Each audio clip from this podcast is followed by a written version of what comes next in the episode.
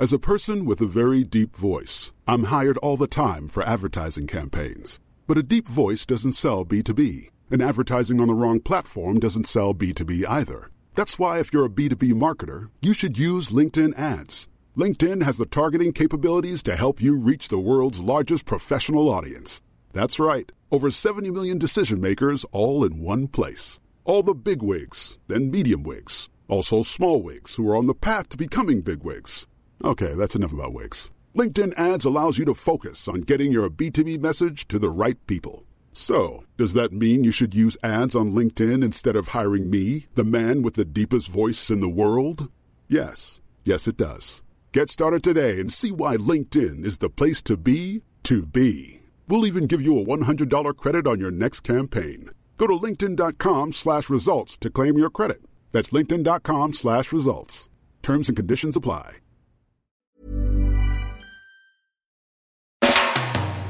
Hej och välkommen till I väntan på katastrofen. Mitt namn är Kalle Zackari Wahlström och den andra mannens namn är Patrik Sellman. Hej Patrik! Hej Kalle! Du låter pigg. Jag, kan väl, jag har väl återhämtat mig efter helgen nu. Jag tog det ganska lugnt. Nej, det gjorde jag inte heller. Jag får ju runt hela eftermiddagen. Du har ju haft småbrukarkurs i helgen. Ja, jag hade ju kört trädtillverkning tidigare för ett par veckor sedan här. Två singeldagar. Men nu kom småbrukarna, småbrukarkurs 1 och småbrukarkurs 2 sin första dag då. Vad Så det var spännande. Ju, ja, det var det. det, och det, det, är ju, och det är ju extra spännande med de grupperna eftersom vi ska träffas hela sommaren, åtta dagar då. Va? Och det kändes otroligt bra och roligt alltså. Ja, gjorde jag- det? Var energin bra?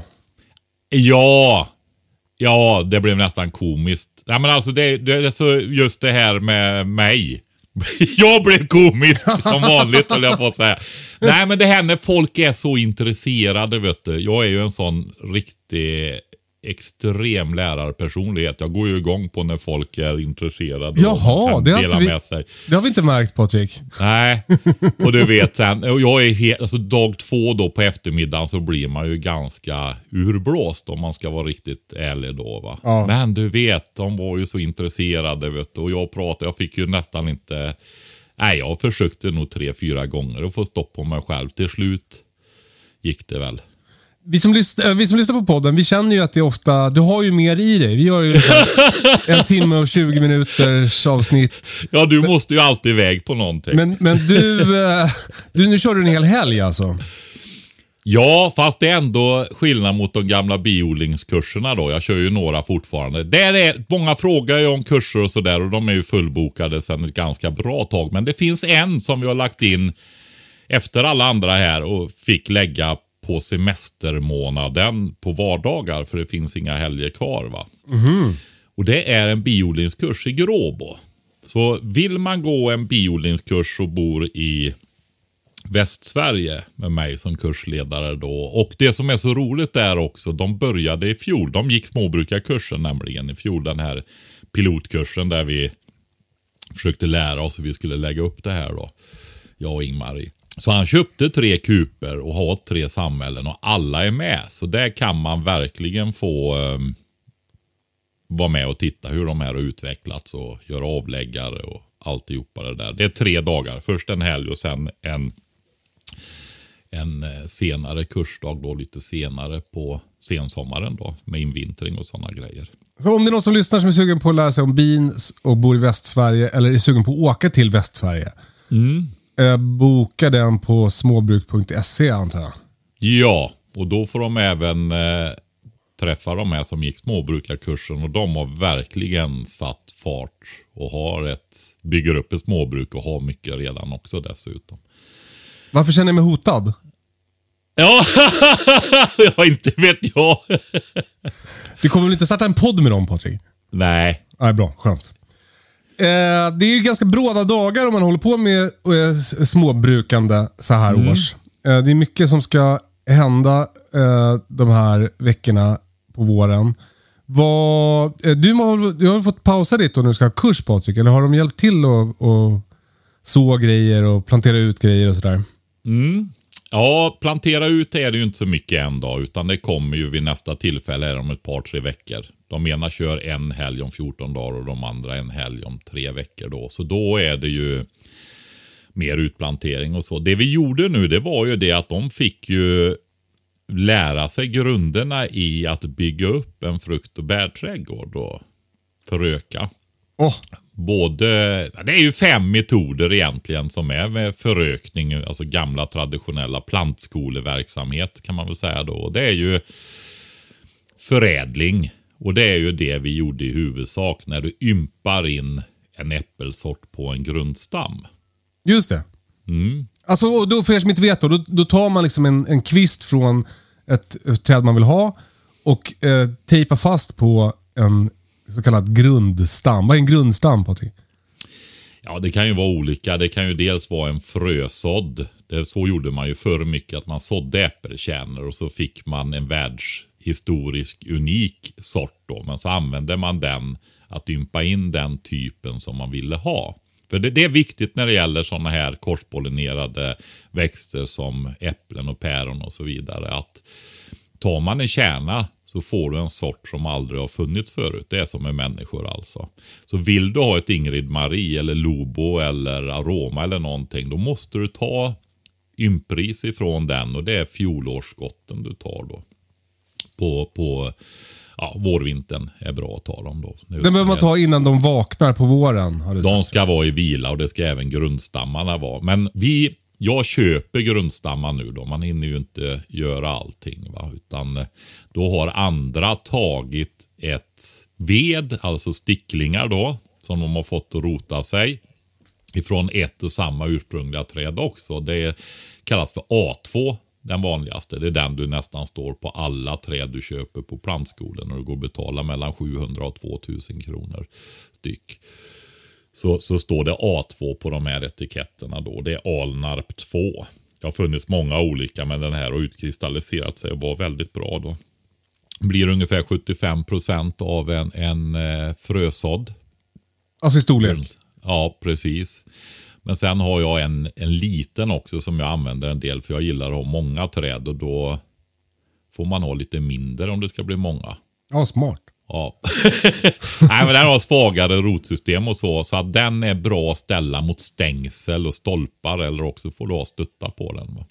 Ja, så om man vill hålla på med spaljeäpplen till exempel. Ja, den här är ju inte den allra, allra minsta. Utan de är ju, ja vad blir de? De blir väl B9. Jag tror det är den som yrkesodlare har mest. Just det här du vet att de sätter upp långa rader med eh, stolpar med vajrar emellan och så binder de upp träden just för att man ska kunna skörda från backen. Va?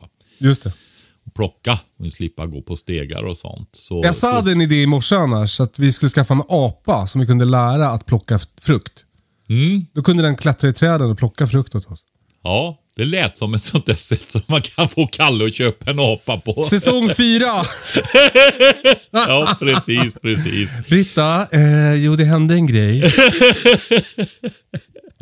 eh, ja, men för, för jag ligger ju lite före dig i odlingssäsongen eftersom jag bor eh, eh, närmare havet, antar jag. Ja. Eh, och, eh, så jag känner mig liksom lite stressad nu. Jag har börjat plantera ut grejer i växthuset redan. Eh, Och, och det, där ligger jag i fas. Jag har väldigt mycket planter som jag inte har plats för. Borde bygga större växthus. Eh, men till nästa år kanske jag får bygga ett växthus till helt enkelt. Om jag ska odla alla mina planter. kan jag också ge bort antar jag. Ja, ge bort det är ju bra. Du, du får göra en småbrukarkurs för då kan du ge bort till alla deltagare hur mycket som helst av Ja, allting. smart. Ja. Eh, men då sen börjar det också bli dags för, det känns som att det är dags att plantera ut eh, eh, grejer i trädgårdslandet också. Alltså sallad och kål och sånt där. Ja. ja, det skulle jag också kunna göra. Just eh, egentligen då, va? efter lite avhärdning kanske i vågväxthus och sådana grejer. Det som, jag har ju sått lite tidigare. De fick ju så på slutet på de här dagarna med, med tre olika system då. Om man vill odla lite mer och det kanske blir för krångligt med äggkartonger och mjölkkartonger och så vidare. Va? Just det. Ja, så som jag har lärt dig. Ja. Och sen... Eh, men de eh, hinner ju bara bli ett par, tre veckor då till de kommer nästa gång. Eh, så jag har ju sått några hundra planter tidigare då. ja. Så är det. Och jag är där jag var, jag tror att vi satt här i fjol och pratade om samma grej i podden. Att jag inte har, eh, att det är kaos i mitt eh, land. Jag har bara låtit det förfalla. Jag har, jag har liksom inte gjort i ordning där. Det, det är ju eh, skönt på hösten att inte göra så noga. Men det är ju för jävla jobbigt nu. Ja men det är ju lite sådär. Man är så sugen på våren och så Ja. är man rätt färdig på hösten. Ja, Tycker att exakt. nu räcker det. Ja, jag känner igen det där. Ja, så så är det. Men, eh, ja. gör så den här hösten att du skaffar markduk och lägger över. Jag var ett litet moment jag visade. Jag har plockat bort markduken här nu då. Den här tjocka mörka som släpper igenom både luft och vatten men väldigt lite ljus då. Man lägger på den på hösten när det blir mörkare och mörkare. Ehm, och så börjar det gro tidigt innan det blir väldigt, väldigt ljust då. Så, så klarar de sig inte med det lilla ljuset som kommer igenom då. Strålande. Ja, och då ser man så otroligt tydlig skillnad. Liksom helt ren jord där de här har legat. Och där det har varit gliper, ja där är det ju Ja. Ogräs då va. ja, det där vore ju något. Man borde kunna köpa måttbeställd sånt så man kunde täcka hela landet utan att hålla på och skarva och sådär. Det skulle vara jäkligt bra. Ja, men samtidigt så är det så här att det är ganska bra att lägga på och skydda jorden så fort du har skördat va. Och man skördar ju lite olika så att eh, kör man sådana här 80 cm bäddar som du gör så kan det vara ganska lämpligt att ha den bredden då, en meter. Jag kör ju i två meters bredder då och så har jag längden på landen eller bäddarna då som jag kan. Och vill jag lägga på en, ja men då lägger jag på en dubbelvik så kan jag vika ut den sen när det blir dags för, för nästa då. Va? Så två Ja. meter finns de i bredder de här geodukarna då. Jag får så mycket, jag lägger träflis i gångarna mellan mina bäddar. Det, det, det, för, det förslår inte. Det blir, växer ju jättemycket ogräs där. Så att jag skulle behöva antingen fylla på med jättemycket träflis, men det känns så segt att göra det varje år. Eller bara täcka över hela skiten. Ja, täck över hela. Ja. Får göra det. Eh, och sen är det dags att, att så eh, gurkväxterna nu också. Ja, för dig är det nog det. Jag väntar... Eh, ja, ja, vi gjorde faktiskt det nu också. Det var ju för att ja, det ska stämma med, med helger och sådana där grejer. Jag hade ju kunnat vänta en vecka in i, i maj då här eftersom jag vill sätta ut någon vecka in i juni. Just det. Runt 10 juni och jag vill hålla mig till fyra dagar för de här de växer ganska mycket på fyra veckor och går det en vecka till då blir de riktigt stora. ju. Ja. ja, det problemet har jag med tobaken. Den, den eh, såddes alldeles för tidigt och eh, börjar nu bli väldigt, väldigt stor. Jag har först planterat om i 9 cm krukor och nu planterat om i 13 cm krukor tror jag att det är jag har. Och hoppas att det ska gå bra. Ja. Nej du, jag måste, jag har gjort en sån korkad grej alltså. Åh, du vet, kul! Du, men du vet ett sånt där misstag som man inte... Nej, jag borde inte ha gjort det. Jag har ju pratat om det här med tomatplantor, att de drar iväg och så vidare. Och att jag, jag har inte så bråttom utan jag nöjer mig med sex veckor mm. före 15 maj då som jag har som utplantering för att ha rimliga nattemperaturer och, och härja med då. Va? Och då är ju det så att kör du, även om vi som har fyra lys, lysrör per hyllplan och så vidare, så liksom är ju det där kanske storleksordningen 10% av dagsljus ute. Va? Det, det är väldigt lite ljus. Och just för att inte få de här leonerna då så ska man ju sänka temperaturen också. Just det. Så det är Det är kombination. Ja, för höjer du temperaturen då drar de ju iväg. va. Och vi har ju livkammaren då där vi har de här hyllorna och lamporna och det. Men vi har ju också kläckskåpet där. Jaha. Men sen har vi ju, i och med att det har varit så kallt nu, va, så har vi inte velat sätta ut de minsta kycklingarna i växthuset heller innan vi sätter ut de här plantorna då. Så då har ni värmelampa? Ja! du vet, de står ju nästan och lyfter hyllplanet ovanför nu, vet du, in i armaturer och allting, de här tomaterna va. Aj då. Så det missar jag ju inte att visa dem här hur tydligt det blev då just det där med temperaturen va. Så, Vilka växter är det okej att klippa av? Alltså lökväxterna är ju klassiska. Purjolökar, sättlökar, går även med vitlökar vad jag vet. jag kör ju med bulbiller alltså då, små, små, små lökar som sitter uppe i blommorna då. Så sätter man dem som planter tidigt på våren så får du ju, ja, ser ut en, i princip som purjo fast plattare blad. Då. Sen, eh, jag måste tänka efter. Jag har ingen annan som jag klipper ner. Nej. Kan komma på. Ja, för det, det drömmer man ju lite om ibland. När man ser hur det drar iväg växthuset. Eller man har varit för ivrig på våren, lika ivrig som man är Ja. tr- färdig på hösten. Jag har en god nyhet från mitt trädgårdsland. Eh, det är att stjälkselleri verkar vara tvåårig. Ja, hur ser en... Eh, ja, alltså eh, om du tänker dig... Eh, stjälkceller är ju en rotceller utan rot, större rotutsvällnad eh, egentligen. Och i och med att det egentligen är en rotfrukt så, är, så är den ju tvåårig då.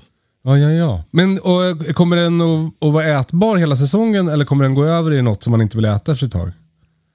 Ja, men sellerifrön är väl bra som krydda och sånt va? Ja, det är möjligt. Ja, jag såg bara Nej, det. Den ser ut som kommer ju jättefina gå. Du får ju skörda den eh, relativt tidigt nu. Och den, men låt några vara kvar så får du ju se hur de utvecklas. Hur Ja. många har du?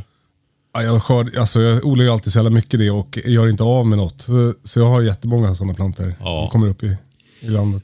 Nej, nej, men du kan ju ha några stycken och faktiskt ta frö någon gång också ifrån dem då om du vill om de går upp i frö nu. Kul! Blomning och frö sen. Jag har Ja, det projektet också. Eh, sen har vi ju ett, ett projekt, eh, du och jag och jag tror en del poddlyssnare som i år ska testa att odla foderbetor. yeah. Kan du komma med en liten instruktion där? För jag känner, att det, jag, känner mig lite vilsen. Nej men betor, alltså tänk rödbetor. Oj, oj, oj, då är det hög tid nu. Ja, alltså du kan ju så dem nu. Jag Ja. vet inte, eller jag har ju inte, det här är ju ett projekt för mig. Det finns ju folk som har provat det här mycket och jag hade ju sådana här grejer på gång för 8-10 år sedan när jag började hålla kurserna. Det här med att odla kalorier och sådana här grejer på trädgårdsnivå. Va? Just det. Bajsen hann jag komma igång med.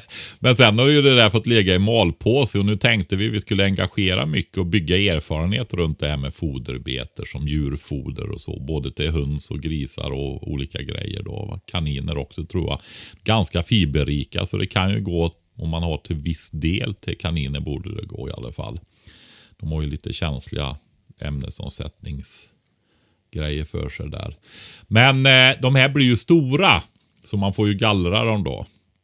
Men jag prövar, jag vet inte härdighet och så på dem. Så mycket sådana här grejer har ju odlats söderut. Sockerbetor är ju en, en specialvariant utav foderbeta med extra högt sockerinnehåll.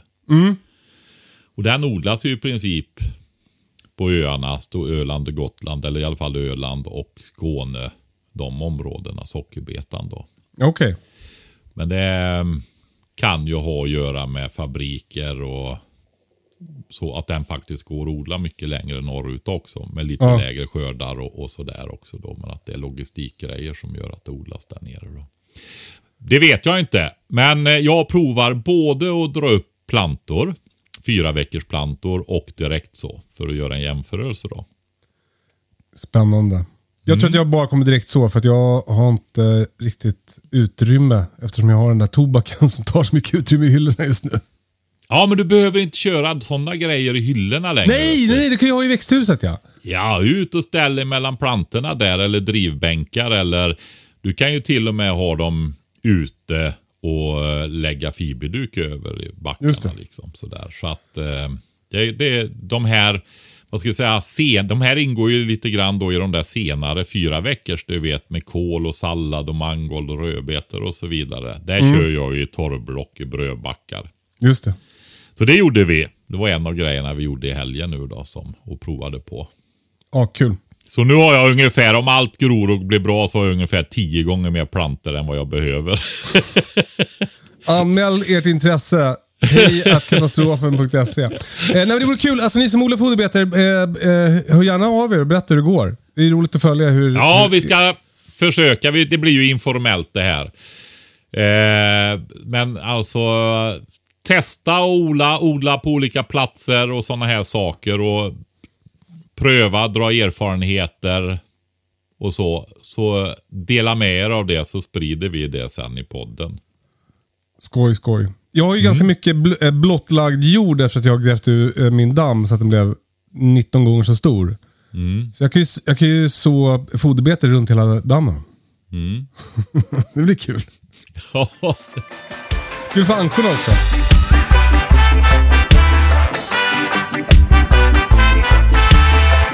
Förra veckan pratade vi om eh, eh, konservering. Eller om det var veckan innan. Det flyter ihop. Ja, för mig med, Kalle. Men eh, eh, vi pratade mycket om att konservera i en tryckkokare. Vi har fått en hel del frågor eh, om att konservera i ugn. För det är tydligen någonting man höll på med förr. Ja. Va, hur är, kan man konservera i ugn Patrik? Ja, det kan du göra. Men det är ju samma... Alltså, det är ju lätt att tro det där liksom att man, du vet, det kan man ju välja temperaturen. Ja, eller hur? Ja, man kan ju ha 300 grader i många ugnar. Va? Ja, det låter ju varmt. ja. Men om man tar 120 grader då, som det är i tryckkokaren? Vad händer med vatten vid 100 grader? Det kokar? Ja. Och hur mycket varmare blir det då? I, om du tänker att du har vatten i en, ett livsmedel då där. Ja, det, det kokar bort bara och sen när det kokat bort, då kan maten först, då, först då kan maten bli varmare. Ja, precis. Och då har du ju inget vatten kvar i och det är torrt. Det börjar brännas. Eller börjar brinna eller vad man ska säga. Alltså grejen är ju det. Det går ju där. Begränsningen går vid 100 grader va. I princip hur varmt du än har så blir ju inte livsmedlet varmare förrän vattnet egentligen är borta då. Va? Och skillnaden i tryckkokare är att man ökar trycket och då Precis. kokar det senare. Ju, just det. Ja, du kan få upp eh, temperaturen helt enkelt på det. då. Koka gör du ju tidigare, men du kan få hålla emot liksom och då får du en högre... Det får inte upp i luften helt enkelt på samma sätt då. Skulle man, om man bor på en bergstopp, Mm. skulle man kunna köra i ugnen då? Eh, nej, men det är väl tvärtom. Tvärtom. Om, du bor, om du bor i en ubåt långt ner i havet. Ja, det verkar krångligt. Ja, det verkar lite krångligt, Kalle. Det gör ju det. Ja, då kör jag en tryckkokare hellre. Okej, Nej, men då det, har vi det är viktigt. Men om en grej, precis. Så att man kan enkelt säga så här då, eh, för att, att safea här. Så eh, är det ju det där med våra frukt och bär va, som är så sura. Just det. Som har det här pH, jag tror det är under 4,5. Men man behöver inte vara Alla svenska bär och frukter, alltså våra traditionella, är tillräckligt sura. Så att de kan du köra i vattenbad med handduk i vanlig gryta. Eller i ugn då. Men däremot grönsaker, svamp, kött, fiskgrejer och sånt. Så, så är det tryckkokare då. Och vi var lite luddiga där sist. Jag ska säga det. Jag har läst på då eftersom det, det är ju så när man kör så här så får man ju påpekanden och så. De tabeller som är. Jag vet ju det ifrån eh, de som jag har till min All American här då. Det är ju 121 grader på dem. Ja. Så tabellerna är för 121 grader och det finns inte, jag har inte sett att det finns utprövade koktider för lägre temperaturer. För det är så att tittar man till exempel i Livsmedelsverket så kan du ju koka och efter en viss tid så har du reducerat botulinumbakterierna till en tiondel. Och så fortsätter du liksom så här, men du vet du får ju så extrema koktider. Ja, ja. Så liksom det är inte praktiskt genomförbart. va. Och det innebär att sänker du temperaturer och så vidare så får du också mycket längre. Och jag vet inte om det är några jättekraftiga brytpunkter där mellan 118, 119, 120 och 121 som gör att det blir mycket längre koktider. Det är nämligen så här, det är ju inte linjärt det här utan det är så vid vissa jag vet ju till exempel amerikansk yngelröta som är en allvarlig sjukdom hos bin. Mm. De sporerna kan ju leva i decennier. Oj.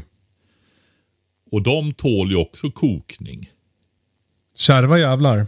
Ja, de är det, de rackarna. Va? Det är ju därför du måste köra med flamma eller och sådana grejer. Alltså, det är ju samma sporbakterier som klarar de här. Du måste upp och koka i högre temperaturer. Va?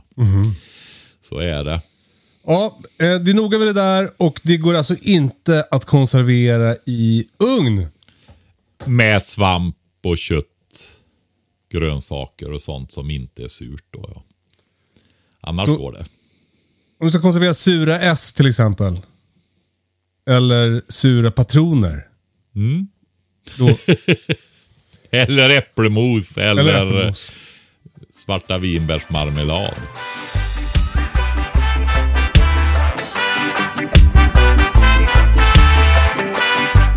Patrik! Ja, Vi har fått en fråga från Fredrik. Han eh, har skickat en ljudfråga som låter så här. Hej Kalle och Patrik! Jag har varit ute på en promenad och eh, satt mig vid en eh, sån här kommunal eldplats och tänkte att jag skulle testa att göra upp eld.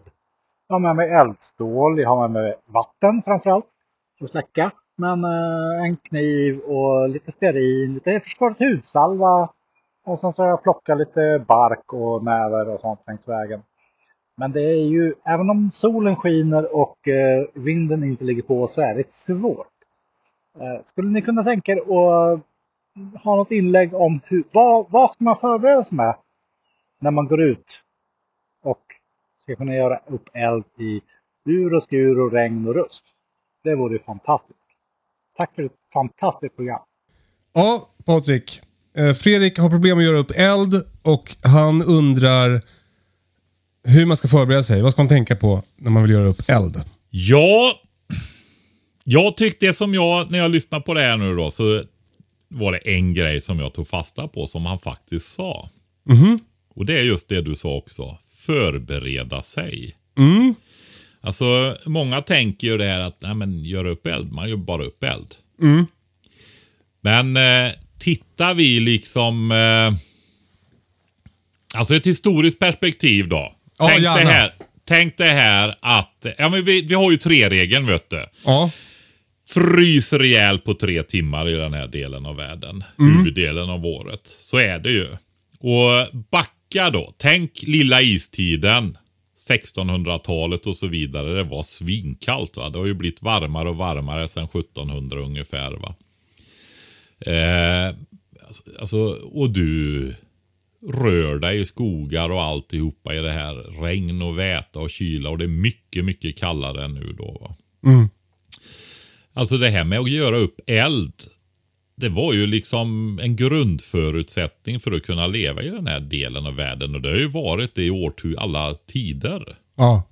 Så eh, här har ju folk varit duktiga på att göra upp eld. Det har ju varit hur naturligt som helst. Ja. Vi, vi har ju pratat om det här tidigare också, just det här du vet med Simma håller vi fortfarande fast vid ganska bra att alla ska göra. Va? Gå simskola och lära sig. Och grundskolan har det som krav och så. Orientering har vi till viss del också. Va? Just det. Men eld borde vara en tredje där. Tre Ja. är ju väldigt bra som alla lyssnare av den här podden vet. Ja. Så är det. Men tittar man då historiskt, alltså det, de hade ju inga tändstickor och sådana grejer. Men hur gjorde de då? Ja, alltså eh, backar vi några hundratals år och det här har ju varit en metod eh, ganska långt fram i tiden. Jag kan faktiskt inte säga exakt, men det är ju när tändstickorna kom. Ja, det är ju 1800-tal, för det har ju alla som har sett westernfilmer sett när de slår, slår en tändsticka på klacken på stöveln. Va? Eh, men sen kom eh, säkerhetständstickorna. Alltså för den kunde du ju slå, en tändsticka kunde du ju slå eld på mot något hårt då va. Så du fick en friktion där. Men sen kom ju säkerhetständstickorna då som behövde det här plånet. Och jag undrar om inte det var en svensk uppfinning. Jo. Sw- Swedish Match. En av de här alla grejerna som de kom på Det var år. också början på förf- förfallet. Sä- varför måste man ha säkerhetständsticka? Kan man inte få tända en tändsticka på cowboybootsen som en... Du är från början på förfallet. Ja men fattar du liksom att gå och ha sådana där icke säkerhetständstickor i en ask i fickan och så råkar du luta dig mot något och mala lite på det där. De har gjort upp eld. Ja, så har du gjort upp eld och det är du som brinner. Ja, precis. Eh, nej, men det var nog en ganska viktig uppfinning det där och att de inte kunde ligga och, och jag vet inte hur självantändning och sånt var på det heller. Men i alla fall, säkerhetständstickan var uppskattad där. Men innan dess då? Då har man ju sett det här med eldstål. Alltså den här eh, smidda. Ett hårt stål vill man ha, ett kolstål. Och eh, när man har gör äggverktyg som knivar och så vidare så är det ju så att gör man ett hårt stål då är det ju sprött. Det vill man ju inte för då kan ju kniven gå av och så vidare. Va? Och yxäggar går sönder och så, slår fliser ur. Utan då anlöper man ju det så att det ska bli en bra kompromiss mellan att vara hård och hållbar och seg. Hård, hård och hålla sig vass länge och seg och ja, inte gå sönder. precis, precis. En balans däremellan. Man kan blanda olika material och få laminerat med. Men det här eldstålet då. Då är det det att man härdar det och då vill man ju att det ska vara hårt. För du slår det emot en sten. Ofta flinta då va. Så har du en vass kant på flintstenen och så slår du med eldstålet på den där och så får du gnistor. De flesta som, när man hör eldsås så de flesta tänker på den här eh, eh, som man eh, köper på Naturkompaniet nu. Som är en liten eh, eh, pinne av stål och sen ett, som ett litet eh, liten bricka av någon Mm. Men annan. den kallas tändstål va? Ja, vad sa du då? Eldstål? Ja. Jaha, det är olika. Ja. Jag är med. Det är Förlåt. det Kalles. Mm. Mm. Ja, men precis. Den är ju en annan metod som vi kommer till sen. Men det är ju också av den typen, av samma typ. Alltså att du skapar gnistor. Elddon är ytterligare en grej va? Jajamensan, ja men det är den här det. Elddon. Fast Ja. elddon kan nog ha en bredare, att du har någon form av doning att göra eld med. Men jag är inte helt säker på definitionen på det där. Men det här är eldstålet då. Den här härdade stål, kolstålsbiten som var hård som du slog mot en sten. Det är ju en typ av elddon då. Va? Så är det. Men, men det här som du sa, tändstålet är det här som man skrapar med. Och får, det får du mycket mer gnistor med. Det tillhör ju samma kategori, alltså eh, att du tänder med hjälp av gnister. Eh, du tänder inte med en låga som du gör med en cigarettändare eller med tändstickor eller någonting sånt där. Där du skapar en flamma. Utan här får du gnister så måste du med hjälp av gnisterna få någonting att börja Ta den brinna. gnistan. Precis, precis. Och eh, när det gäller eldstålet här då så är det... Alltså det... Det här är ingenting som du... Alltså är, är du extremt van och så vidare så kan du ju fixa det. Men det man måste ha klart för sig är att folk förr de förberedde ju och tillverkade ju sådana här grejer i förväg va. Det jag pröv, nu är det länge sedan jag höll på med sådana här grejer. Alltså 35 år sedan. Eh, men det vi gjorde det var ju att vi gjorde fnuske. Fnuske, alltså fnuske används i två, minst två sätt där i vårat språk. Det ena är ju alltså att du gör fnuske av fnusktickan som är en svamp som växer på träd. Mm. Söderut vet jag att det är bok mycket. Det är nästan det det finns mest på. Och sen har vi här uppe i Värmland och så, så är det ju på björken. Och den är grå och den ser ut som en hästhov. Och för att få sånt här riktigt bra fnuske från fnusktickan då så gör man så här att man skalar av det här gråa skalet som är ganska hårt. Och eh, under det sen så får du... Alltså är de... unga, alltså det, det är ju det här man får ju alltid lära sig att prova och göra misstag. Är de väldigt unga de är så kan de ju vara blöta och lite så här va. Då är de inte Men- torra som fnöske. Nej, precis. Eh, men du vill ju inte ha någon övermogen som har börjat svartna heller. Utan det ska ju vara den här gråa och mogna, inte övermogna svampen. Pr- Pratar du om dig och mig nu Patrik? Nej, du, jag, jag är... Ja. Den gråa och mogna. ja, precis. Det har ju du också blivit. ja, ja. Du, du har levt så hårt, Kalle. Exakt. ja, precis. ja, nej men i alla fall. Sen tar man eh, och gör skivor utav det där sammetslena under skalet där. Ett par, tre millim, par, jag skulle nog säga par, eller inte för tjocka skivor utan det ska ju vara så att det blir skivor i alla fall. Inte att det blir små fnas va, utan du får ju ta ett par, tre millimeter tjocka i alla fall va. Och sen kokar du det i asklut. Åh, herregud. Ja, men aska fanns ju mycket förr, vet du. Björkvedsaska och sånt. Det hade man ju för att göra såpa och allt möjligt. Ehm, så ta ungefär, jag tror vi man tar 50-50 ungefär med vatten och, och eh, björkaskan då. Gud vad Inte- barnen är hungriga nu när man ska koka pastavatten. Och man börjar med att koka fnösket. jo, men fråga, grejen är hur du man kanske elden? gjorde, du gjorde, det fanns ju säkert att köpa och byta till sig fnöske. På Hur, gjorde, marknaden hur och gör så man förr upp va? elden för att kunna koka fnösket på undrar jag Patrik? Om man inte har något fnöske. Ja. Eh, du har ju Får- och så gör du mer fnöske innan det är slut. Men i alla fall, för att göra färdigt den där berättelsen med hur man gör då. Så Ja, förlåt, förlåt. kokar du de här eh, 2-3 millimeters skivorna från fnöskstickan i luten i ett par, tre timmar. Och sen tar du upp dem och bankar på dem för att få ut vätskan och så får de torka. Och sen river du av en bit utav den sån här skiva. Och då får du en fransig rand där. Där du river av så blir det som luddigt och ludet. Och det är väldigt bra. Och då, så som vi gjorde, det finns olika tekniker, men då sätter man den här lilla ludna grejen mot flintan där vid kanten. Och sen när du slår gnistan så fångar du upp gnistan på den där ludna kanten. Och den kommer där och är varm utav den här friktionen som har gjort gnistan då va. Då börjar det glöda i den där kanten. Och då är du på väldigt god väg, men du är inte framme riktigt än. Nej. Utan då behöver ju du en eldboll. Och då behöver du ett lättantändligt material. Ehm, ska se. Torrt gräs.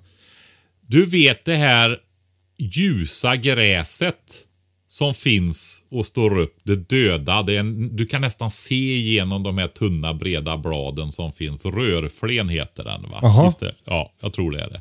Det kan du hitta ute och den kan stå upp genom snön på vintern när det är kallt och så vidare också. Det är en sån som du kan ta. Det man kan säga när det gäller den, för det här kallas, kan också kallas för fnuske på våra språk. Det är den andra grejen. Förutom det här fnusket som man gör av fnusktickan då, så är fnuske rent generellt det här fina lättantändliga materialet som du vill ha för att börja få fart på en eld då va. Även när du tänder med låga så vill du ju ha fnuske att börja med va.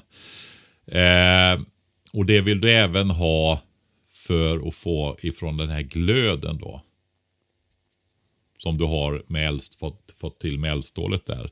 Så behöver du sånt här fnasigt. Och då gnuggar man ofta det materialet för att få det här fibriga mer porösa ytan så det finns liksom lite mer att få grepp i för glöden eller lågorna då. Va?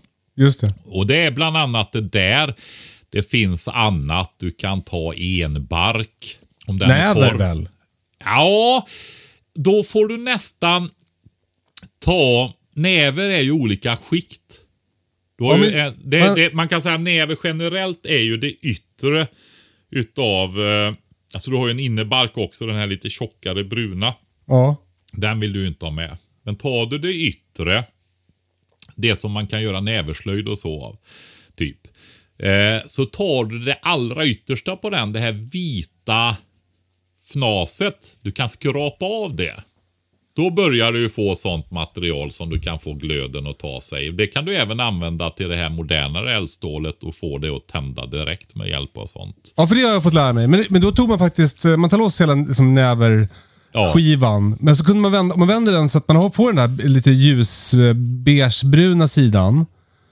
Och så, kunde man, så skrapar man med kniven där. Mm. Då får man också, liksom, luckrar man upp ytan och det, det kan också ta en gnista. Mm. Och när man börjar träna på det där så har man alltid gjort för lite. Ja. Ja, tills man lär sig, har har sett att det behövs vara mer. Jag tyckte det var så, så bra du sa Patrik, att det finns mycket för, för elden att ta tag i. För det tycker Ja. jag är en bra grej man kan tänka på när man ska tända eld överhuvudtaget. Ja. Att det, ska man, fin- det är samma om man ska tända på en, tin- på en om du har tidningspapper för att tända. Så det är mycket lättare att tända på kanten än mitt på. För det, det är någonting som elden kan ta tag i.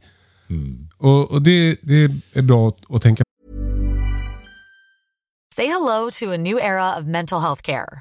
Cerebral is here to help you achieve your mental wellness goals with professional therapy and medication management support. 100% online. You'll experience the all new Cerebral Way, an innovative approach to mental wellness designed around you. You'll get a personalized treatment plan from a therapist, prescriber, or both in a safe and judgment free space. Your cerebral therapist or prescriber will outline a customized plan with clear milestones along the way so you can get to feeling your best. With Cerebral, you're not alone in your mental health journey. We're here to empower you to live a fulfilling life.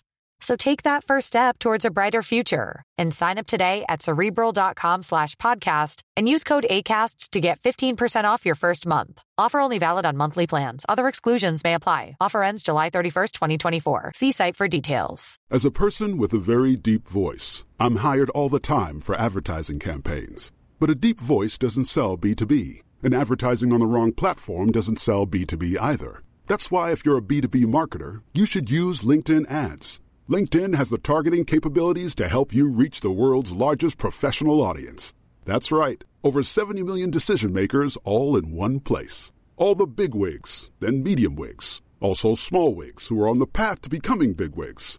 Okay, that's enough about wigs. LinkedIn ads allows you to focus on getting your B2B message to the right people. So, does that mean you should use ads on LinkedIn instead of hiring me, the man with the deepest voice in the world? Yes. Yes, it does. Get started today and see why LinkedIn is the place to be to be. We'll even give you a $100 credit on your next campaign. Go to linkedin.com slash results to claim your credit. That's linkedin.com slash results. Terms and conditions apply. på. Eh, Precis. vad finns det för andra... Eller förlåt. Ja, jag tänker så här. Eh, jag vill ta med det också. För jag tänker, vi kör ett... Vi har ju tagit lite försnack och så vidare om vad vi gör och så. Men vi kör ett rent eldavsnitt då. Så då pratar vi väldigt brett och djupt om eld nu. Så jag Ja. tänker jag kan bara ta lite ur minnet även det här vet du, med drillborr. Det är också ett historiskt perspektiv. Innan det här med eldstålen och så vidare, alltså när vi börjar komma neråt stenålder och en bra bit upp också. Det har säkert använts mycket, mycket, mycket senare också. Men eldstålen tog över. Det var en smidig flintabit, lite förtillverkat fnuske. Du har alltså det här från fnuskstickan då och sen har du lite mer eldbollar och sånt förberedda också. Så kan du snabbt göra upp eld om du blir överraskad eller det börjar bli kväll och du ska sova och så vidare. Va? Eh, där hade du en liten läderpung eller någonting sånt där. Alltså, nu behöver, behöver ju inte vara en baggpung men det var ju ett sätt de gjorde små påsar då. Va? Utan det kan ju vara en läderbit. Då. Det är perfekt. Jag har faktiskt letat efter något att göra av mina buggpungar. Ja, då kan du göra, smida sådana här eldstål och göra sådana. Jag, jag har avverkat ett misstag där också. Jag provade att röka själva testiklarna. Ja, Eh, Det, det var inte aptitligt. nej. Då Eh, vet, då vet vi det. Då vet vi det. Ja. Nej, men det här med drillborren, det kan tänka man har sett. Det, ja, det finns ju till och med i, i varmare delar och eh, att man kan gnida Ja, en det. pinne mot en bräda. Va? Men här i våran del så har vi använt drillborrar väldigt mycket. Det ser ut som en pilbåge ju. Ja, precis. Själva bågen då. Det är ju som en liten, den får du ju ha böjd. En böjd gren då. Som du sätter någon form av snöre i då va. Men sen behöver du ha en borr. Och sen måste du ha en bräda som du borrar på. För det är ju det borren far fram och tillbaka när du borrar med den här bågen då va. Med snöret och drar fram och tillbaka. Det är ju där brädan och borren möts. Där får du ju Tekniken det är att få ett mjöl där, ett trämjöl som kommer utav friktionen och att det blir så varmt så det här trämjölet då börjar glöda. Va? Det, det är liksom vad det går ut på här. Och Det är ju också, visst, är du, om man tränar mycket på det här, lär sig leta upp material och så vidare, så går det i en överlevnadssituation, nödsituation att tillverka de här grejerna ute i skogen. Men det här var ju någonting som folk hade med sig, färdiggjort, färdigtillverkat. Istället för tändstickor eller eldstål så hade man med sig den här utrustningen. Och material för att få upp med hjälp av den glöden då som är i trämjölet istället för på fnusket då va. Mm. För så, så gjorde man det. Och det man kan säga då det är så här. Du behöver ju ha, du kan ju inte sitta och hålla i den här borren uppe på då va. En, den ena änden den är ju i, i brädan. Mm. Den som är i brädan den ska vara rund den änden. Den andra änden ska vara spetsig. Den som är uppåt. Och då mm -hmm. behöver du göra ett handtag med ett hål i så du kan sätta det på spetsen där. Eh, för annars får du värme i hand. Det går ju inte liksom att hålla i den där när den far tillbaka. Va? Och eh, det man kan säga då också det är ju att handtaget behöver ju vara ganska hårt. Så inte du borrar hål i det också in i handen där och går sönder och sådär va. Ja, man har som en kloss som man håller uppe på. Liksom. Ja, precis. Ja. Med ett hål i. Så du kan lätt sätta det i den spetsiga änden på den här borren så den sitter kvar där stabilt va.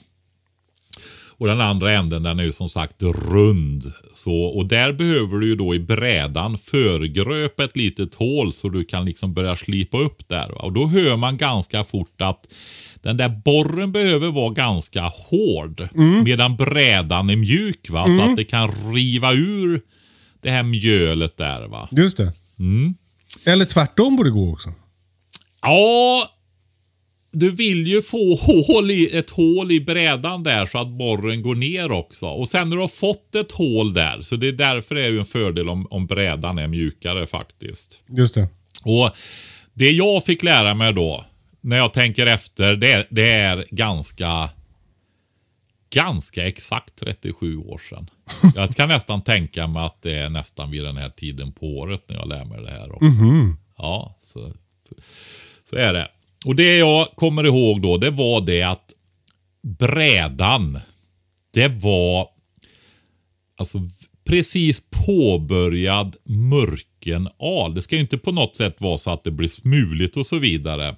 Det ska inte vara liksom så du kan trycka i den på något sätt med nagel eller fingrar eller något sånt där. Men den ska ändå vara liksom död och påbörjad. Mm -hmm. Då är den perfekt. va. Mm -hmm. Och al. Och sen, detta var ju norrut i landet. Så att eh, det man gjorde för att få en bra borr. Det är ju mer, mer, mer begränsat med eh, träslag där uppe då. Du vill ha ett hårt. Jag är ganska säker på att det var en tätvuxen hård grangren. Mm. Och det kan ju också vara sån här, eh, alltså, vi har ju pratat om det tidigare, att när ett träd blir snett så eh, om det är, nu ska vi se hur det var här. Lövträd drar sig upp. Alltså på insidan av böjen så drar den upp stammen så den blir rak. Medan ett, ett barrträd trycker på utsidan. Jag är ganska säker att det var så. Och då får du väldigt hård ved där i sådana. Och faktum är att den där kan du få i grangrenar också. Att du får sån förtätad hård ved där. Och sen när de är så tätvuxna grangrenar så blir de ganska hårda. I alla fall med lätt mörkenal. Mm. ehm, och sen gör det ingenting att det är lite hartser och kåda och så i de där heller. Man kan tänka sig att det skulle kleta ihop mjölet och sådär. Men det, det fungerar. Ja, bra. Mm. Sen eh, snöret då. Det går, du vill ju inte ha för tunt snöre för det, det, när du lindar det runt borren där så ska det ju liksom bli friktion. Och har man bara lite klenare snöre, ja då eh, tar man flera varv i så fall. va. Okej. Ja. Men för annars är det väl, man tänker som en pilbåge fast med en, en, att strängen är lite slapp så att du kan linda den ett varv runt borren. Ja, precis. Minst ett varv då. Så li lite slakt är det. Och så kan du faktiskt med tummen spänna lite grann där om det skulle vara för slirigt lite grann. Då, va? Så. Men annars kan man ta två varv då. Ja. Runt borren där. Och så sätter man igång. Det här är ju väldigt roligt egentligen. Men om man inte har något snöre då, vad gör man då? Nej, men då får du ju tillverka ett, fattar du väl? Jag tänkte jag skulle göra ett upplägg så att du får berätta om hur man skördar granrötter. ja, vad bra. Nej, men alltså. Det, det finns ju, det är ju någonting som folk håller på med fortfarande. Rotslöjd och sådana saker. Ja. Och eh, det, Vi har ju tre rötter som är väldigt hållbara och bra i våra natur. Då. Det är ju björk, gran och tall. Ganska när jag- vanliga också. Ja, precis. Det är ju de vanligaste träslagen kan man säga. Det varierar ju lite söderut och norrut. Eh, söderut så kan det bli mindre med, med tall och norrut så kan det bli mindre med gran då och mer tall istället. Va? Men björken finns ju med överallt också. Och när jag har samlat det här, det här är ju också mer i yng, yngre vuxen ålder, då gick vi till myrkanter. Och där jag var och lärde mig det här då, det var ju i gamla utdikade myrar, nybyggen och sånt. va. Eh, för då grävde ju de här diken där och där växer det björk nu då. Och så går ju den ut i det här lite porösare, fuktigare, nästan mossan. Du kan nästan riva upp mossa. Och så ser du de här långa rottrådarna. Så det är väldigt lätt. Alltså du kan ju ta rottrådar överallt där de här finns. De har ju sina rötter träden. Va? Men det blir väldigt lätt om du går i kanter på myrmarker och så vidare. Där de kör ut rötterna i mossan. Ja, ja, River ja. upp mossan så har du jättelånga. Inte så mycket grävande utan mer bara ta Precis. där. Ja. Precis. Annars får du ju ha grävpinnar eller någonting då för att få upp, eller krokar och sånt och dra med. Metallkrokar tror jag vi hade som redskap.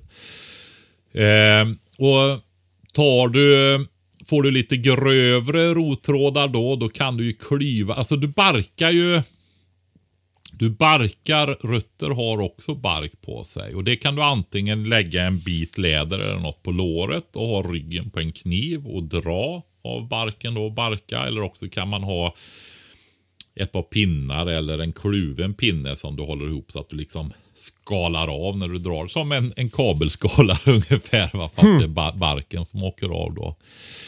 Och sen eh, är det grövre rötter då som är ja vad ska vi säga, 4, 5, 6, 7, 8 millimeter sådär, då kan du klyva dem. Då börjar du med kniven i ena änden i, i den tjocka änden. Och sen delar du på den. Och konsten med att klyva rötter men även videor. Det är ju det att du är fokuserad och ser vad du gör. Och börjar den här klyvningen då dra iväg, alltså fläka ut åt ena hållet. Då gör man tvärt emot vad man tror. Va? Då böjer man mer på den tjocka sidan. Den som blir tjockare då. Va? Då böjer du ut den mer och då drar du tillbaka Jaha. Fläkningen. Så du försöker hålla den i mitten och märker du att den far iväg åt ena hållet så böjer du ut den andra änden som håller på att bli tjockare då hela tiden. Det är ganska roligt att hålla på med. Är den här podcasten en lång, lång reklamspot för att bli jägarsoldat, Patrik? Ja, fast detta är inte Nähä? där. Jag, ju använde, jag lärde mig de här kunskaperna innan jag blev jägarsoldat. Jag var Jag helt kan göra reklam för en utbildning Ja. i Härjedalen, i Sveg. Jag vet inte om den är kvar, jag tror den är det. När jag gick den på 80-talet, och det är också anledningen till att jag bor där jag bor. För jag var, han som jag har fått köpa den här stycket av den här tomten, han gick den här utbildningen några år innan mig. Vad heter och- utbildningen? Människa, natur, teknologi under 8000 år. Åh herregud vad spännande. Ja, jag tror den är, har varit ettårig. Men jag gick ju den 85. Terminen innan jag skulle rycka in. Jag missade de tre sista veckorna på den faktiskt. Gjorde jag för att jag skulle rycka in i lumpen då. Så jag fyllde 20 där uppe och firade på en pizzeria i Sveg. jag och en kompis som fyllde samtidigt. Tänk vad fint det. att du kom på det här så tidigt. Jag kom ju tyvärr på det här alldeles för sent, så jag har ju redan barn och Inga utbildningar i Sveg för mig. Nej, men den, det är alltså, jag kan säga det att om den finns kvar den utbildningen. Så är den Då var det fullbokad nu. mycket arkeologer, natur, eh, ja men alltså så här som ville prova gamla tekniker. Alltså vi börjar ju med att knacka flinta va. Oj. Med hammarstenar och horn och tryckte och så vidare. Vi garvade skinn på massvis med olika metoder och skrapade och höll på så här. Va? Knöt fisknät. Alltså allt. Och det är som en massa en till tre veckors kurser i en enda följd. Va? Vilken dröm! Spinna med slända. Bygga en upprättstående varptyngd vävstol som de hade på vikingatiden. Oj. Ja, men alltså du vet, finns hur mycket, alltså, hur mycket som helst. Smide. Ja, vad roligt. Eh, såna. Ja, så det var väldigt. Vi till och med gjorde järn utav rödjord. Alltså rödjord är ju för att det är mycket järn i och den oxiderar och blir rostig kan man säga då. Va?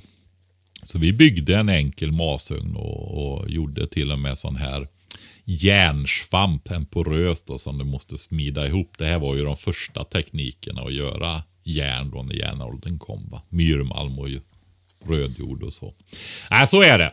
Men i alla fall, eh, det går sen då att tvinna ihop sådana här rottrådar och så vidare och få en tråd. Alltså det här är ju ingenting du gör för att du har sett det på YouTube och ska gå ut och hålla på och frysa ihjäl i skogen och rädda livet på dig själva. Utan det här är ju någonting som du måste utveckla. En grej som jag fick lära mig på denna kursen. Det är att man räknar med att det tog upp, alltså uppemot 20 år för en människa på den här tiden att få träna och få alla kunskaper som behövdes för att klara sig mer eller mindre själv i den här miljön. Då, va? Jaha. Ja, så att det är ju liksom ingenting, bara gör det överhuvudtaget, alla sådana här grejer. Va? Utan det är träning, träning, träning, träning, träning. Ska du göra upp eld med ett sånt där tändstål som du märkte som är rena fusket i jämförelse med flinta och eldstål. Va? Det är ju inte lätt. Det är Nej. ingenting som du bara gör heller, utan det måste du träna på. Va? Men det lät ju som att eh, eh, frågeställaren Fredrik, han, det är ju det här, han vill ju träna, det är det han håller på med. Absolut, precis. Och jag älskar att han sa förbereda också. För det är viktigt att förstå det. Man liksom inte bara går och gör upp eld ute. Speciellt om det är blött eller väldigt kallt och så vidare. Va? Men, Men du, och, får jag fråga en grej som Fredrik sa där? ja. Eller är vi klara med bågdrillen? ja, vi lämnar det där nu. Skönt. Men du, eh, för han sa att han Va? hade... Det var väl roligt, Kalle? Ja, förlåt. Ja! ja, ja. Men det var, var, tyckte det var skönt att vi kunde gå vidare och att det var klart. Jag Precis, förstår. precis. Ja, Alltså, det, det, jag tycker det är skönt att du släpper taget om grejer Patrik. ja vad bra, vad bra. Eh, nej, men att han, han pratade ju om att han hade med sig någonting. Hudsalva och vad det nu var. Så kan man använda sådana där grejer också för att tända, för att tända eld? Ja, det går det ju att göra. Fett och vaselin och, och ehm, vax och sådana saker. Kan man, men det är också, det, då är det bra att förbereda sådana här grejer då. va. Eh, alltså, med, alltså, ha inte bråttom när man ska göra eld. Håller du på att frysa ihjäl, då har du inte råd att hålla på och fjäppla, utan ta god tid på dig då, så du precis börjar få upp värmen innan du fryser ihjäl. Va? För det, för det, precis. För, eh, eh, en grej som, som jag har lärt mig om att göra upp eld, det är typ så här. Om du tar en genväg så kommer du, det kommer gå till, antagligen gå till helvete.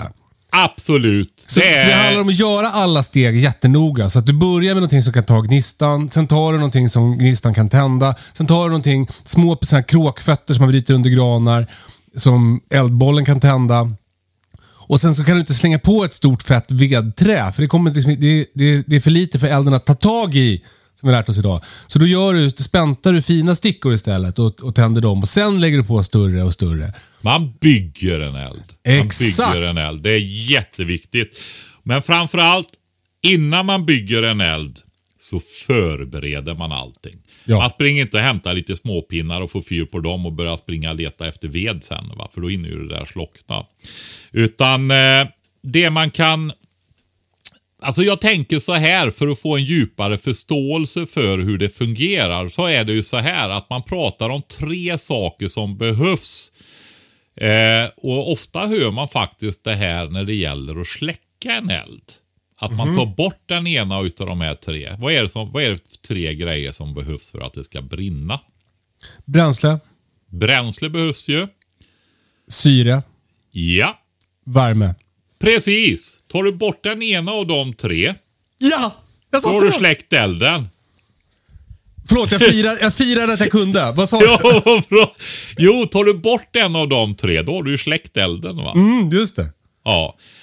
Om vi säger så här, spolar du vatten på elden, ja men då har du tagit bort värmen va? Då har du kylt ner det. Just det. Ja. Tar du en skumsläckare på, ja då har du ju lagt hinna över alltihopa. Då har du ju tagit bort, ja viss kylning givetvis då, men framförallt har du ju tagit bort syret då runt omkring. Brandfilt. Ja, kolsyra, samma sak. Brandfilt, då har du kvävt också, ja precis. Eh, så syre, värme, bränsle. Och då är det ju så här att bränsle när vi ska göra eld är ju oftast trä. Visst, vi kan ta hjälp av annat när vi ska tända och så vidare. Du varit inne på en del grejer där. Men då är ju träet kallt. Och det är alltid vatten i också. Mm. Och eh, ska det här liksom, jag tror, nu ska vi se, det är ju sånt här som man, eh, jag tror det är 500-600 grader det måste vara för att träet ska bli såna här, kallas det pyrolytiska gaser, alltså förgasas som sen brinner och blir lågor. Det är ju alltså ga- när träet förgasas som det blir lågorna. Det är gas som brinner där. va. När, när vad ska jag säga, själva träet brinner då, då blir det ju inte lågor utan det är ju det som är glöd. Jaha, jag. Kan man säga. Det är låg, låg, gaslågorna, när du får gaslågor som det blir eldslågor då. Va? Det är gaslågorna som brinner. Som en gasolspis ungefär då. Så är det. Eh, men då måste ju vattnet torka ur först. Ja. För annars ligger ju det och kyler va. För det går ju åt energi för att få det att avdunsta helt enkelt. Så torr ved får du ju lättare eld på.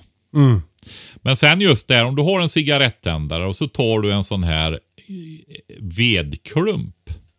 Och så eldar du på den där vedklumpen med cigarettändaren så får du ju ingen eld. Nej. Nej, den är ju för stor och kall och det kyls för mycket och så vidare. Men tar du däremot en liten, några stickor och tänder på. Ja, då får du ju upp värmen i det här. Det börjar förgasas och så vidare. Och så blir det som en kedjereaktion att de här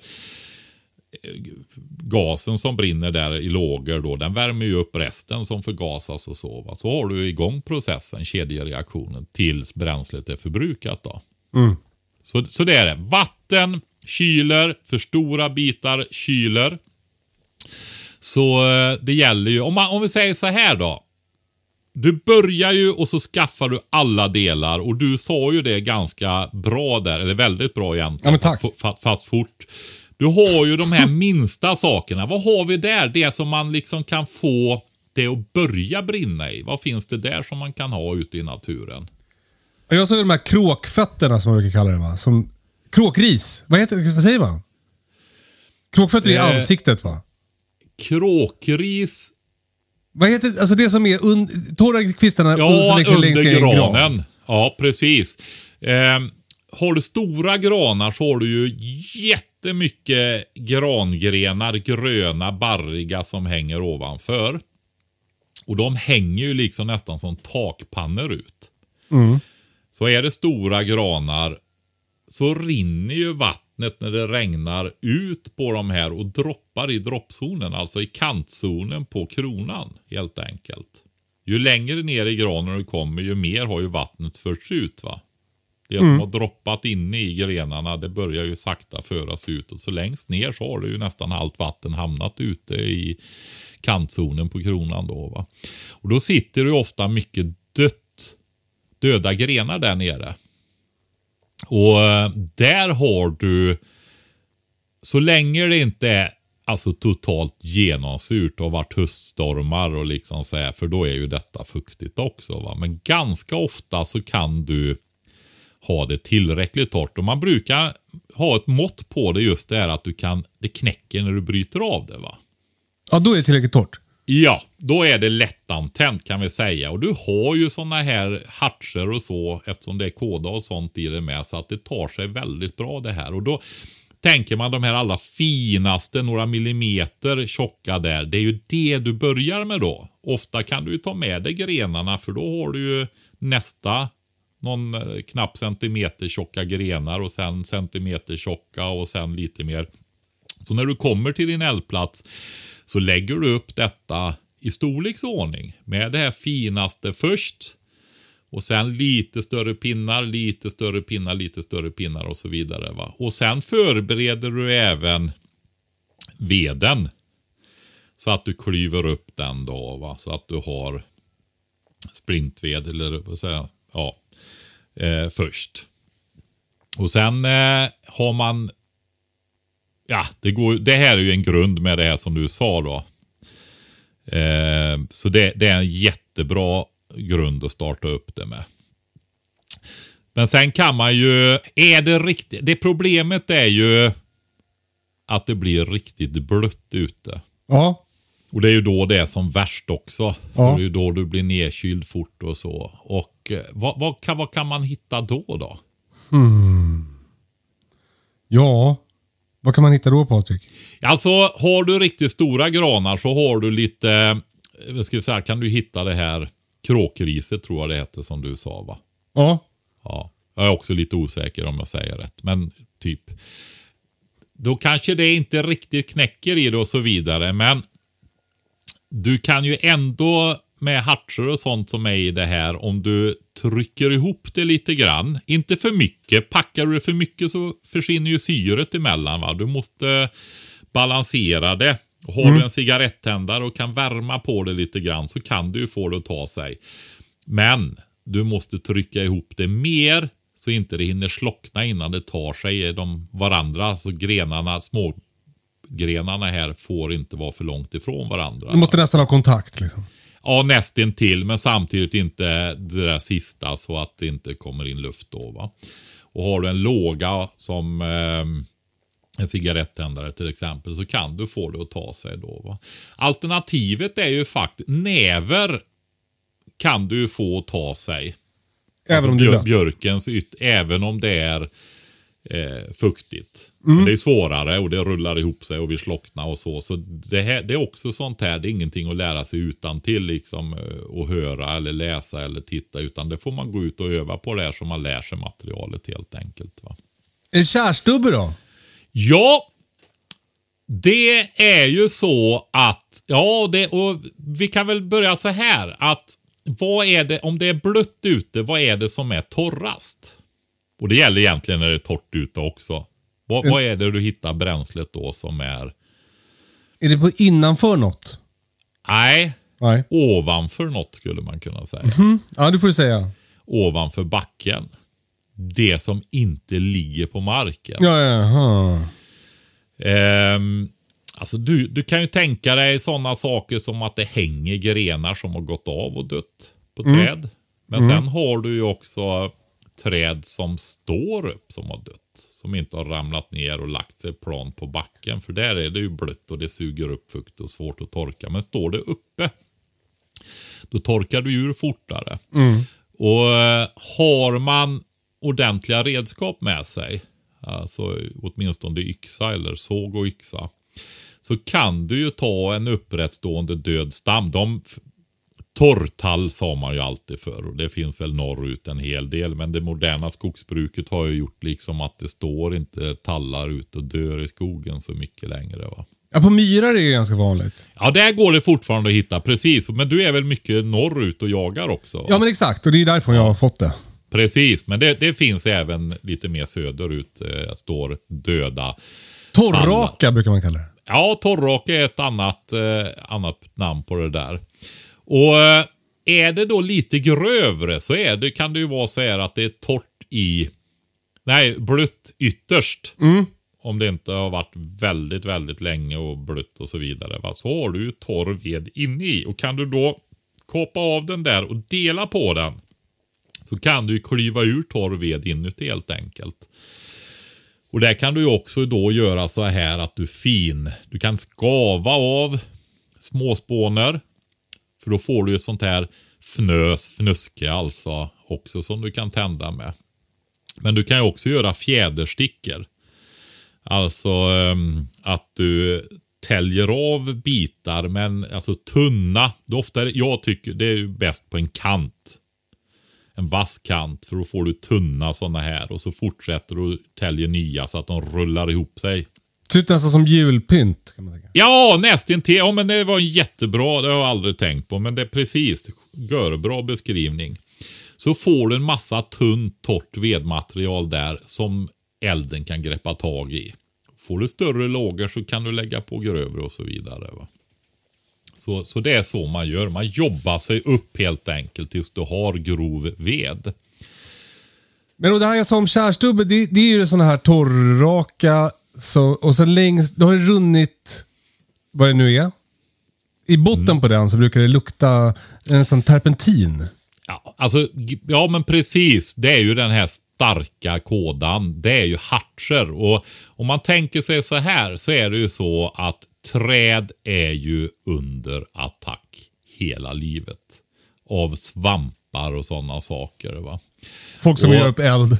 Ja, nej men svampar framför allt då som vill angripa de här och så fort trädet dör så är det ju skogens tänder som bara hugger tag i detta. Alltså mycelet, svamparna som bryter ner cellulosan då. Va? Men då skyddar sig ju träden med hartser och våra barrträd då har ju den här kådan.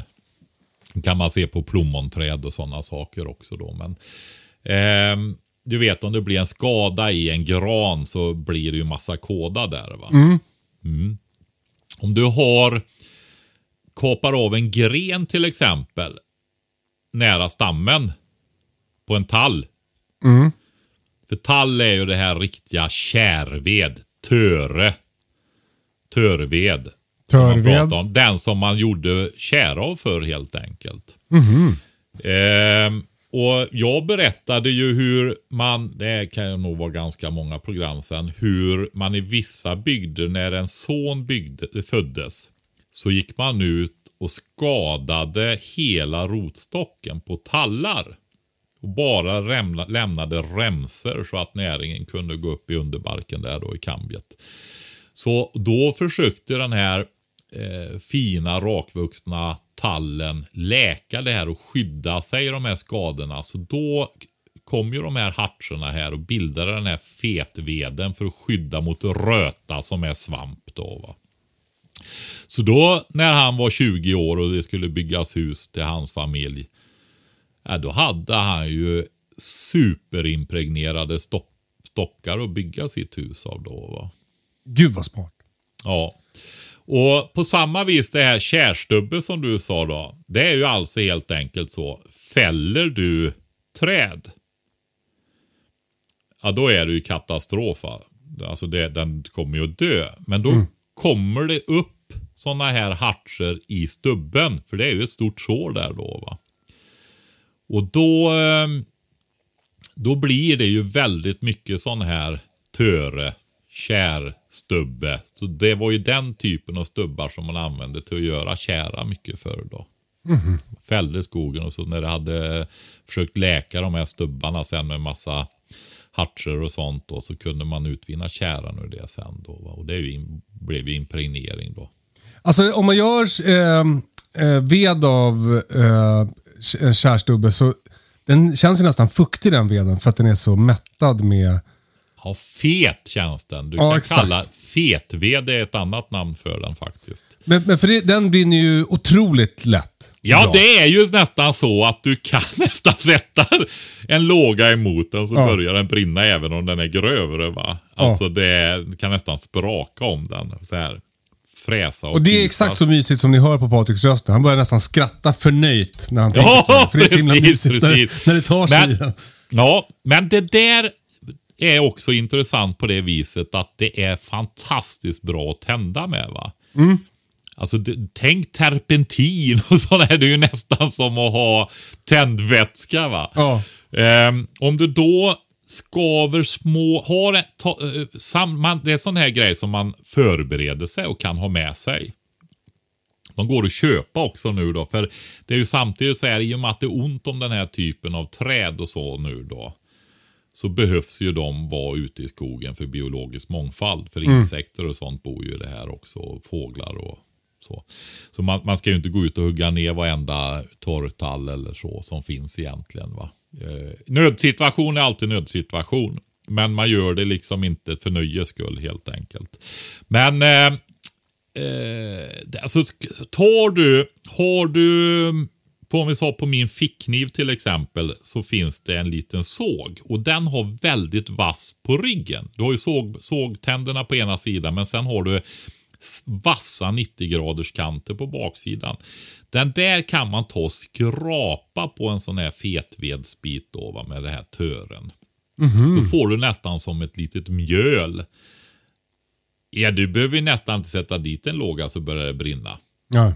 Nej, det Perfekt. måste du. Man måste Självantända. Ju, ja, få gnida fingrarna emot varandra bredvid och lägga på. Eller. Nej, man behöver sätta dit en gnista i alla fall. För den är jättebra till tändstålet också. Ja, perfekt. Så är det. Och det kan du till och med göra om du har, alltså det är ju så här, det finns ju givetvis mer eller mindre eh, utav det här hartserna och det är bitar. En del är ju jättemycket. Och där kan du ju göra små flarn liksom och tälja loss små flakes liksom. Och så får det att tända sig för det är så mycket i. Annars får du ta mjöl då om det är lite mindre hartser i. Det beror på kvaliteten på fetveden kan vi säga.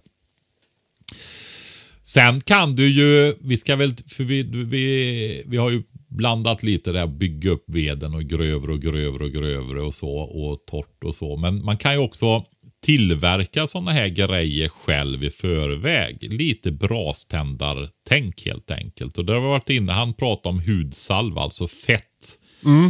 På bomull till exempel. Ja, tamponger är en gammal klassisk grej som är väldigt mycket bomull i som du kan riva loss bitar och sånt. Det, det snackar Lars Fält om. Han är så överlevnadsexpert. Ja. Han, han, han förespråkar tamponger väldigt mycket. Ja. Eh, men du har ju också, heter det bomullspads, sånt där som de har att ta bort smink med i ansiktet. Ja, ja det heter det. Rondell kan man säga också va? Ja, så kan det nog vara. Eh, där kan du ju ta vaselin på sådana till exempel. Då har du ju det att de, och så kan du ju då man kan även om man har bikuper smälta in bivax och sånt i de där. Doppa dem i, i smält bivax. Och, så en vän till mig, han har nämnt han några gånger i Småland. Han eh, har haft bin i flera år också nu och han, han rensar vax så är det lite äldre kakor och vart yngel och så i kakorna så är kokongrester kvar. Så när du smälter vaxet så silar du av det här och får de här kokongresterna med lite, då lägger han dem, de här resterna, det som man ofta kastar, det lägger han i äggkartong eh, Lägger han i varje sån här ficka i äggkartong då, fyller han på det här skräpet. Och få, kan han riva av, ha den här och så kan han riva av en av de här så har han en perfekt braständare då va. Jaha. Brinner som bara den och länge då va. Han hade stearinljus. Ja, Det är också en klassiker. Du får inte blåsa för mycket då, men ha det till exempel om du har lite fuktigare. Tänk om du tänder ett stearinljus och så har du det här lite fuktiga, besvärliga kråkriset under granen där som vi sa som var svårt att få eld på. Tänk då om du kan hålla det emot en låga som brinner länge så får du ju fart på den där till slut. va. då kommer det veden att torka först och sen börja brinna. Precis, för du måste få ur vattnet. Annars får du inte upp temperaturen till de här, för du är 100 grader pratar vi om va. Det blir ju inte varmare än 100 grader och det behöver ju bli vad det nu är 500-600 grader eller något för att det ska förgasas då. Ja. Så, så eh, då har du ju chans med en stearinljus att få, få fart i lite blötare, eller fuktigare ska vi väl säga. Tänk att vi fick gifta ihop två frågor i den här podden Patrik. Ja, men du, jag, jag tänker, jag vill säga några. Jag hör att du har lite bråttom. Du skulle på föreläsning, va? Ja. Ja, men ett par grejer till just när det gäller att göra upp eld som är viktigt. Får jag säga en grej först bara? Okej. Torktumla ludd. Svinbra. Ja! Det tar ju en, en gnista väldigt bra. Så det är perfekt Precis, som fnöske. precis. Ja. ja, det är ju superbra. Det, Men- det var den grejen jag hade att säga. Ja, men jag vill säga så här då att har man, vi har ju pratat ju bere, ur ett beredskapsperspektiv. Vi blir ju lite tjötiga på det viset, men det är ju ändå temat på våran podd. Mm. det går ju att prata friluftsliv, alltså det, det överlappar ju varandra, men vi har ju den ingången då. Så har man en evakueringsväska, hemgångsväska och så vidare så har du givetvis en påse, en vattentät påse i den. Eller åtminstone i den påsen små vattentäta påsar med såna här bomullspads som du har doppat i bivax eller ja. Det finns ju- nu för tiden finns också köpa fetved också. eller sådana. Ja, precis. Och fetved, alltså sådana här träpinnar med mycket hartser i. Alltså du har en eldpåse som du har Ja. förberett. Du kan till och med ha lite torra näverbitar i. För torra näverbitar tänds ju mycket, mycket lättare än om du tar färska. Fördelen med näver är att den faktiskt brinner. Det är också så att det är en av de ved som vi har som brinner bäst när den är färsk. Va? När den inte är torkad så är det faktiskt björk. Då. Ehm, ja, så att du har förberett det här. För när du behöver göra upp eld, då kan Då det vara väldigt besvärligt alltså. Men det finns ju att köpa såna här eh, olika tändklossar och tändpåsar. Och, men det är väl egentligen bara att någon, en fabrik har gjort såna här bomullspads med bivax på. Ja, precis. Men det är ju ett lite roligt projekt att göra själv också faktiskt. Verkligen, verkligen. Ja, det är, så- många delar av landet kallas det för Stockholmsnäver. Vilket här, såna här tändhjälpmedel. Såna här små Ja. tändpåsar eller någonting. Men jag, jag, jag, jag reagerar så starkt på det, för jag, den enda gången jag ser det användas i fält är när jag är i Norrland. Ja. Men de, det är mycket snack om att det ska vara stockholmare som använder sånt, men det, det är inte. Ja, stockholmare gör inte upp eld. Vi, Ja, men alltså grejen är ju så här. När det är torrt krutott ute, ja men då behöver du inga sådana här grejer. Nej. Ja, jag har ju min lilla scoutkår med 9 till 11-åringar där, va? 9-12-åringar är det nu. Så vi gick ju ut då till en lägerplats där som vi håller på att bygga upp i skogen. För jag vill att vi ska vara ute så mycket som möjligt. Om inte annat så lär de ju sig att klä sig. Man kör alltid utvärdering efter. Är det någon som har frusit? Ja, då lär de ju sig att reflektera över att de behöver ha mer på fötterna. Eller ja, du vet sådär. Va? Men då gjorde jag ju bara så här. Ja, vi kom upp till platsen. För jag vill att vi gör upp eld varje gång också. För det hör till liksom när man kommer till en plats att man börjar med att göra upp en eld. Då. Och så gick jag bara iväg några meter till en sån här gran. Som du tog upp där. Tog lite sånt här och så gick jag bara tillbaka. Alltså det handlar ju om sekunder här då. Och så tog jag bara upp cigarettändaren ur fickan. Tände på det här och la det där. Så hade vi ju liksom början på en eld. Va? För att visa hur fort det gick att tända och göra upp en eld. Snyggt. Ja, nu skulle jag ju, om man hade gjort det på, det lärde jag ju dem sen då. Eh, det här med att man lägger upp och förbereder och tar sig tid. Va? Men det var liksom bara för att visa att de fick med sig den minnesbilden där. Ja. Eh, sen, jag måste berätta det. För det är så roligt med, det är bara småflickor i den då. Det, det är min, eh, mitt barnbarn, äldsta barnbarn. Och hennes kompisar som är i den scoutpatrullen då. Och eh, då körde jag, fick de göra detta tillämpat och då var det lite fuktigare faktiskt i luften nästa gång. Och fick de jobba två och två. Fick bara en tändsticksask, ingenting annat. Jaha, vad spännande. Ja, och så fick de ju börja använda det här då. Det var ju framförallt det här gran. Eh, riset Kråkriset. Kråkriset, ja precis. Och eh, nej, men de lyckades. De fick ju prova några gånger. Men inom ett par, tre försök så hade alla. Och kravet var att det skulle brinna i lika grova pinnar som deras tummar då. Va? För har du i den typen av ved och det brinner ordentligt, ja då har du i princip veden, eller elden igång. Va? Ja. Så sen ska vi växla upp det här och eh, ett bra sätt då det är faktiskt att kombi- de får bygga en trefot och surra den riktigt. Så man kan ställa och så får de göra så att de kan hänga i den. Och så ska de få exakt om det blir en halv liter eller en liter såpvatten. Och så är det den som för, för såpvatten pöser över när det kokar. För då får du, för det här kokar det eller kokar det inte. Den var först över mållinjen. Och så eh, ska vi göra en tävling av det här då. Så de ska få bygga upp en trefot, hänga upp en kastrull med ett exakt mått med såpvatten i och den som först får den att pösa över vinner. Det är det att de här är ju 9 till 11 år. Jag börjar ju märka lite med de här små flickorna här att det är väldigt mycket relationer och socialt med de här alltså. Och tävling. Tävling. och- Ja, inte så mycket tävling faktiskt. Det tror jag hade varit bättre. Jag, jag märker ju det när vi börjar prata tävling och så vidare. Att det är inte precis som med småpojkar. De älskar ju att tävla. Men eh, jag ska eh, köra den här tävlingen med dem i alla fall framöver då. För det kan jag ju säga, det är om man vill göra en rolig grej just att träna elduppgörning och så, så kan man ju göra på det där viset. Då, Man, man kan elda av ett snöre också. Det, det minns jag från någon scoutgrej. Ja, Att man, att man eh, det spänns upp ett snöre och så ska man upp en eld under det och elda av snöret. Då har man vunnit. Mm. Är det något mer vi vill säga om eld kan... Jo! Bra! Fan! Ja. Jo då, ja, du kommer inte undan än. De får hålla eh, den där föreläsningen, de får hålla i den lite till du kommer där. Nej men alltså, du har det här när det är riktigt blött. Tre saker är det jag vill göra. Riktigt blött eller Ja. riktigt kallt. Alltså Ja. snö.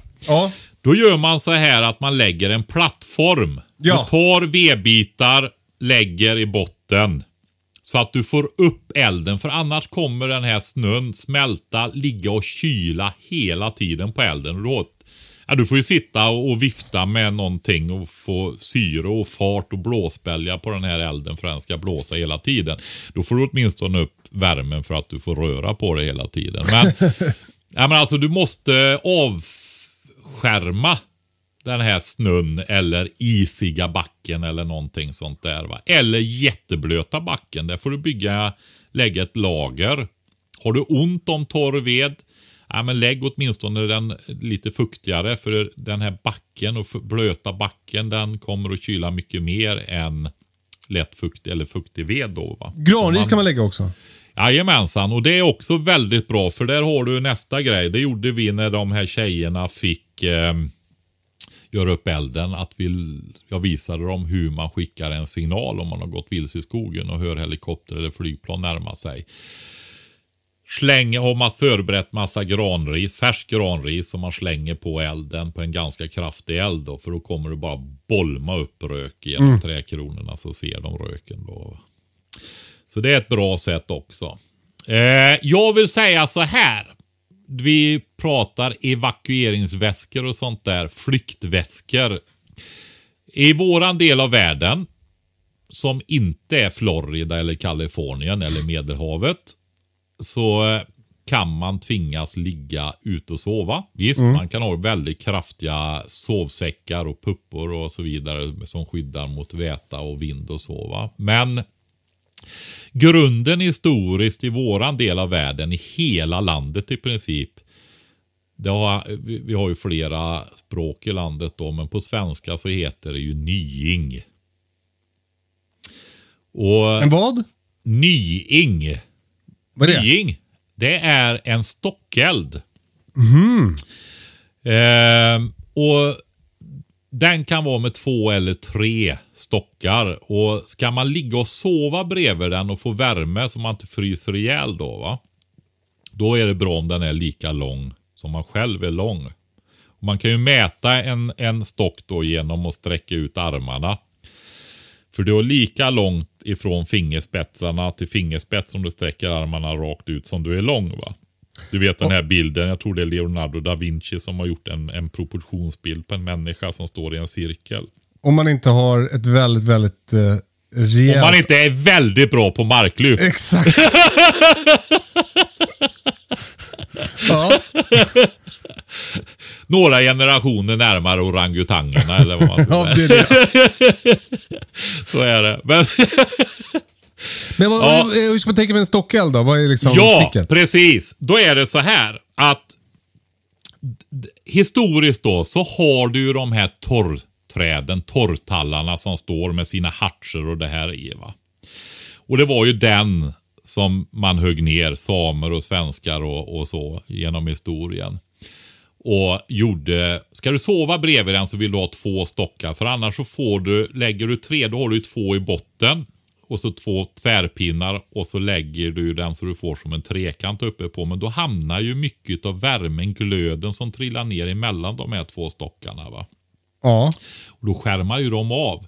Det brinner emellan stockarna men du ligger ju på sidan där det inte brinner så att strålningen når dig inte riktigt. Va? Utan det bästa när du ska sova bredvid så du får vila så du inte bryter ihop och så vidare och orkar med en jobbig situation. Det är ju att du lägger två stockar. En, i bot en bottenstock, den större i botten och så eh, en, en eh, nästan lika stor uppe på. Hur ska du få den att ligga kvar? Ehm, du vill det, få det att brinna emellan de här två stockarna.